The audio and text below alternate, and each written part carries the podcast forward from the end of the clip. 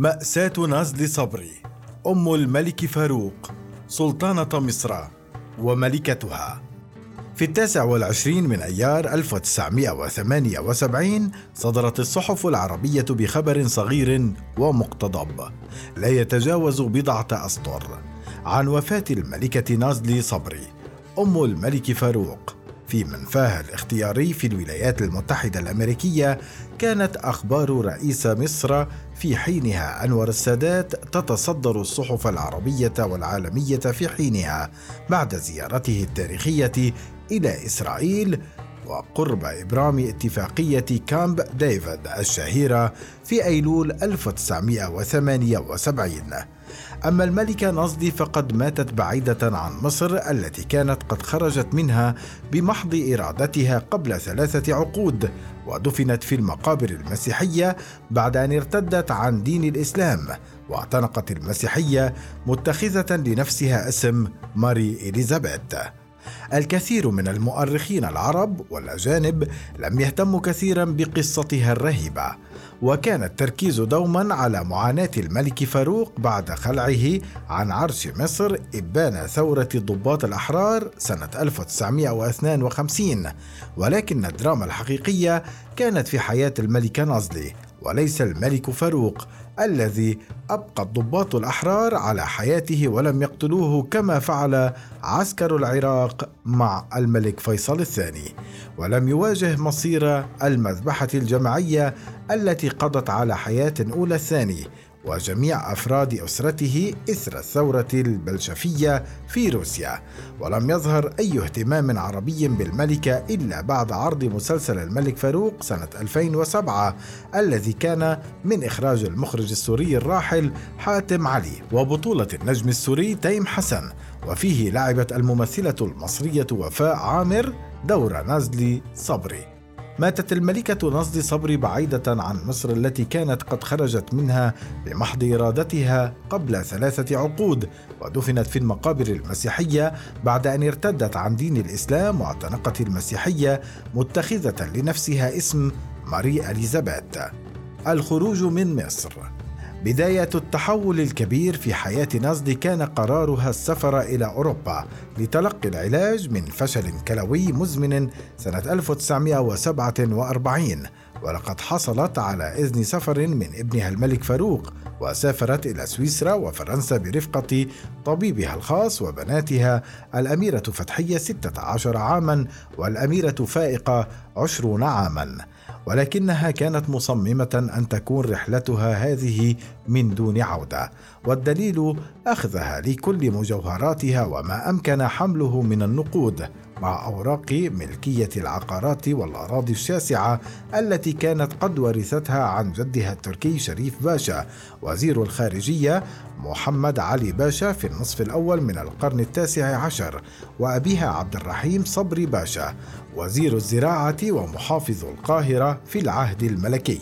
وقد تعددت أسباب قرارها الرحيل النهائي عن مصر وكان أولها كرهها المطلق للعائلة الملكية المصرية منذ أن دخلتها زوجة شابة للأمير فؤاد والد فاروق سنة 1919 السلطانة نازلي زوجة فؤاد الأول.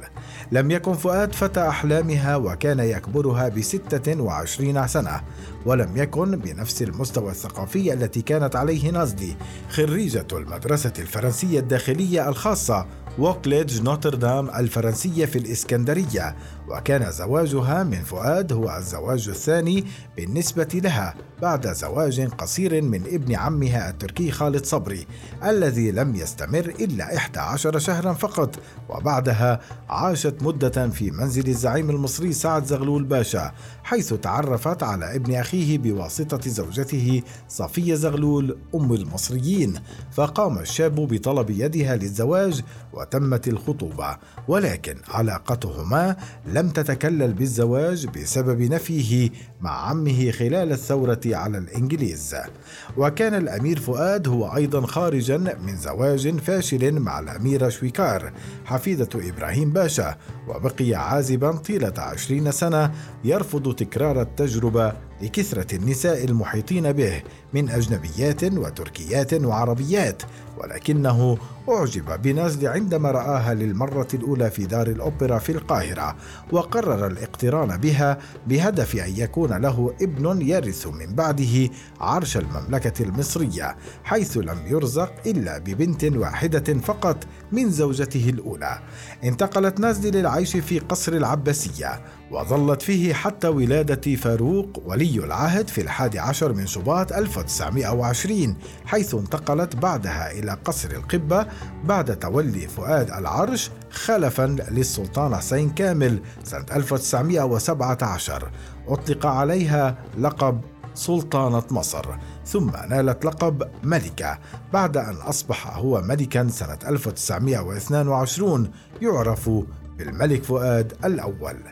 كانت الملكة نازلي تعتبر نفسها أرقى من الملك فؤاد بكثير وأكثر علما ومعرفة منه فهي خريجة المعاهد والجامعات الفرنسية تتقن عدة لغات وهو ابن تربية عسكرية لا يعرف شيئا لا عن الثقافة أو الفنون. ملكة مصر. ولكن حياة القصور لم تطربها. ولا الألقاب التي أطلقت عليها فقد شعرت نزلي أنها سجينة في قصر القبة وأن لا شيء يجمعها مع زوجها إلا رغبته بأن يكون له ولدا من صلبه وكانت تشكو من تجاهله لها والتعامل معها بقسوة أحيانا وبعنف مفرط ثم لا يتردد بضربها وإهانتها وكانت تعتبر نفسها أرقى من الملك فؤاد بكثير وأكثر علما ومعرفة منه فهي خريجة المعاهد والجامعات الفرنسية تتقن عدة لغات وهو ابن تربية عسكرية لا يعرف شيئا لا عن الثقافة أو الفنون ولا يجيد التعامل إلا مع الغانيات وكان فؤاد يمنعها من ممارسة أي مهام ملكية وتختصر نشاطاتها على الاستقبالات النسائية داخل القصور. في وقت كانت هي تطمح لدور مجتمعي أوسع يشبه دور ملكات أوروبا وقد يكون هذا الأمر ناتجا عن غيرة فؤاد من زوجته وإعجاب الأجانب بفصاحتها وبلاغتها تحديدا بعد سفرهم معا إلى فرنسا سنة 1927 حيث أصبحت نزلي محط أنظار الصحف الباريسية وصارت أخبارها لا أخباره تتصدر الصفحات الأولى. الملكه الأم ويقال إنها لم تذرف ولا دمعة واحدة عند وفاة الملك فؤاد في الثامن والعشرين من نيسان 1936 وتولى ابنها فاروق عرش مصر. من بعده كانت نازدي في الثانية والأربعين من عمرها عندما رملت بوفاة زوجها وصار لقبها الملكة الأم. ولكن علاقتها بفاروق لم تكن أفضل من علاقتها بأبيه وقد ساد بينهما جفاء رهيب. كان الملك فاروق يخجل من تصرفاتها ويحاول منعها من الظهور العلني معتبرا أنها تشكل حرجا كبيرا له بسبب نزواتها وغرامياتها وتحديدا علاقتها المشبوهة مع رئيس الديوان الملكي أحمد حسنين باشا. فقد أصبحت هذه القصة حديث الناس في المجتمع القاهري وقد وضعتها في مواجهة مع الصحافة الصفراء ومع المطربة السورية أسمهان المقيمة في القاهرة والتي كانت على علاقة غرامية أيضا مع حسن باشا.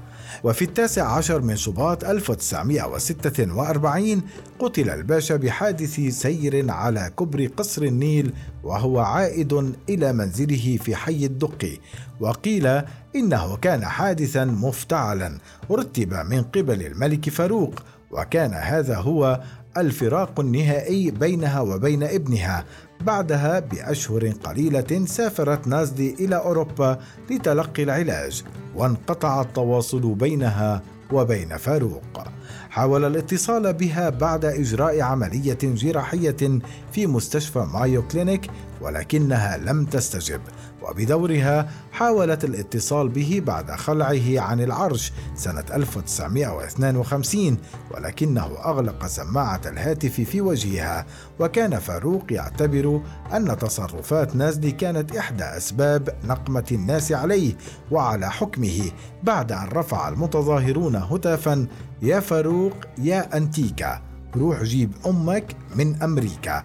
وقد أحزنه كثيرا ما جاء على لسانها في مقابلة صحفية مع جريدة نيويورك تايمز الأمريكية بعد ثورة يوليو سنة 1952 حيث قالت إن انقلاب مصر كان متوقعا بسبب تصرفات وتجاوزات العائلة الحاكمة.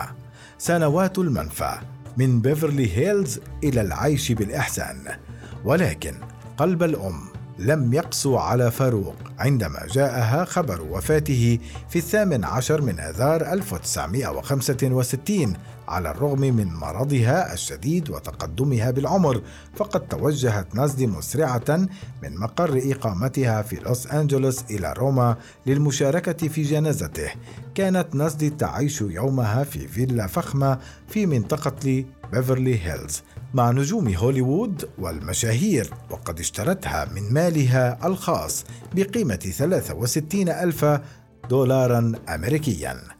تبددت ثروة الملكة نازدي وضاعت بسبب صهرها القبطي رياض غالي زوج أصغر بناتها الأميرة فتحية الذي سيطر على نزد سيطرة كاملة في سنواتها الأخيرة وأضاع أموالها وأرصدتها في البنوك ما أدى إلى إعلان إفلاسها سنة 1974 وقد حملت الصهر رياض غالي مسؤولية ما حل بها من مصائب مالية.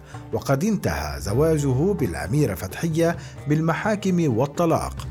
قبل أن يقوم غالي بقتل الأميرة بست رصاصات في الرأس في كانون الأول 1976 هنا أضيفت الوحدة القاتلة والكآبة لحياة الملكة نازدي إضافة طبعا للفقر والإفلاس والحزن على ابنتها المغدورة. ولكن ثروتها تبددت وضاعت بسبب صهرها القبطي رياض غالي زوج أصغر بناتها الأميرة فتحية الذي سيطر على نازلي سيطرة كاملة في سنواتها الأخيرة وأضاع أموالها وأرصدتها في البنوك ما أدى إلى إعلان إفلاسها سنة 1974 بيعت فيلا بيفرلي هيلز ومعها منزلها الصيفي في هاواي كما بيعت مجوهراتها الثمينة في دار Sotheby's للمزادات انتقلت الملكة من بيفرلي هيلز إلى استوديو متواضع في حي الفقراء المعروفة بمنطقة Westwood حيث صارت تعتمد على كوبونات الطعام المرسلة من الحكومة الأمريكية ال welfare لكي تأكل وتشرب وتعيش. سقطت عنها جميع الألقاب طبعا وصارت لا تسمع كلمة يا صاحبة الجلالة. إلا من بعض المصريين الذين باتوا يعطفون عليها ببعض المساعدات. وبحسب قول الكاتبة راوية راشد واضعة كتاب مرجعي عن الملكة نازلي تبدل ملمس الحرير الذي كانت تنام عليه وهي ملكة مصر إلى خاش وتبدلت الثياب التي كانت تأتيها خصيصا من أشهر بيوت الأزياء العالمية إلى جلباب بسيط من الدبلان. لا تملك غيره وانطفأت الشموع التي كانت تضاء حولها في أي مكان تسير فيه فلم يبقى غير الظلام الذي كانت تجلس فيه وحيدة تنتظر الموت.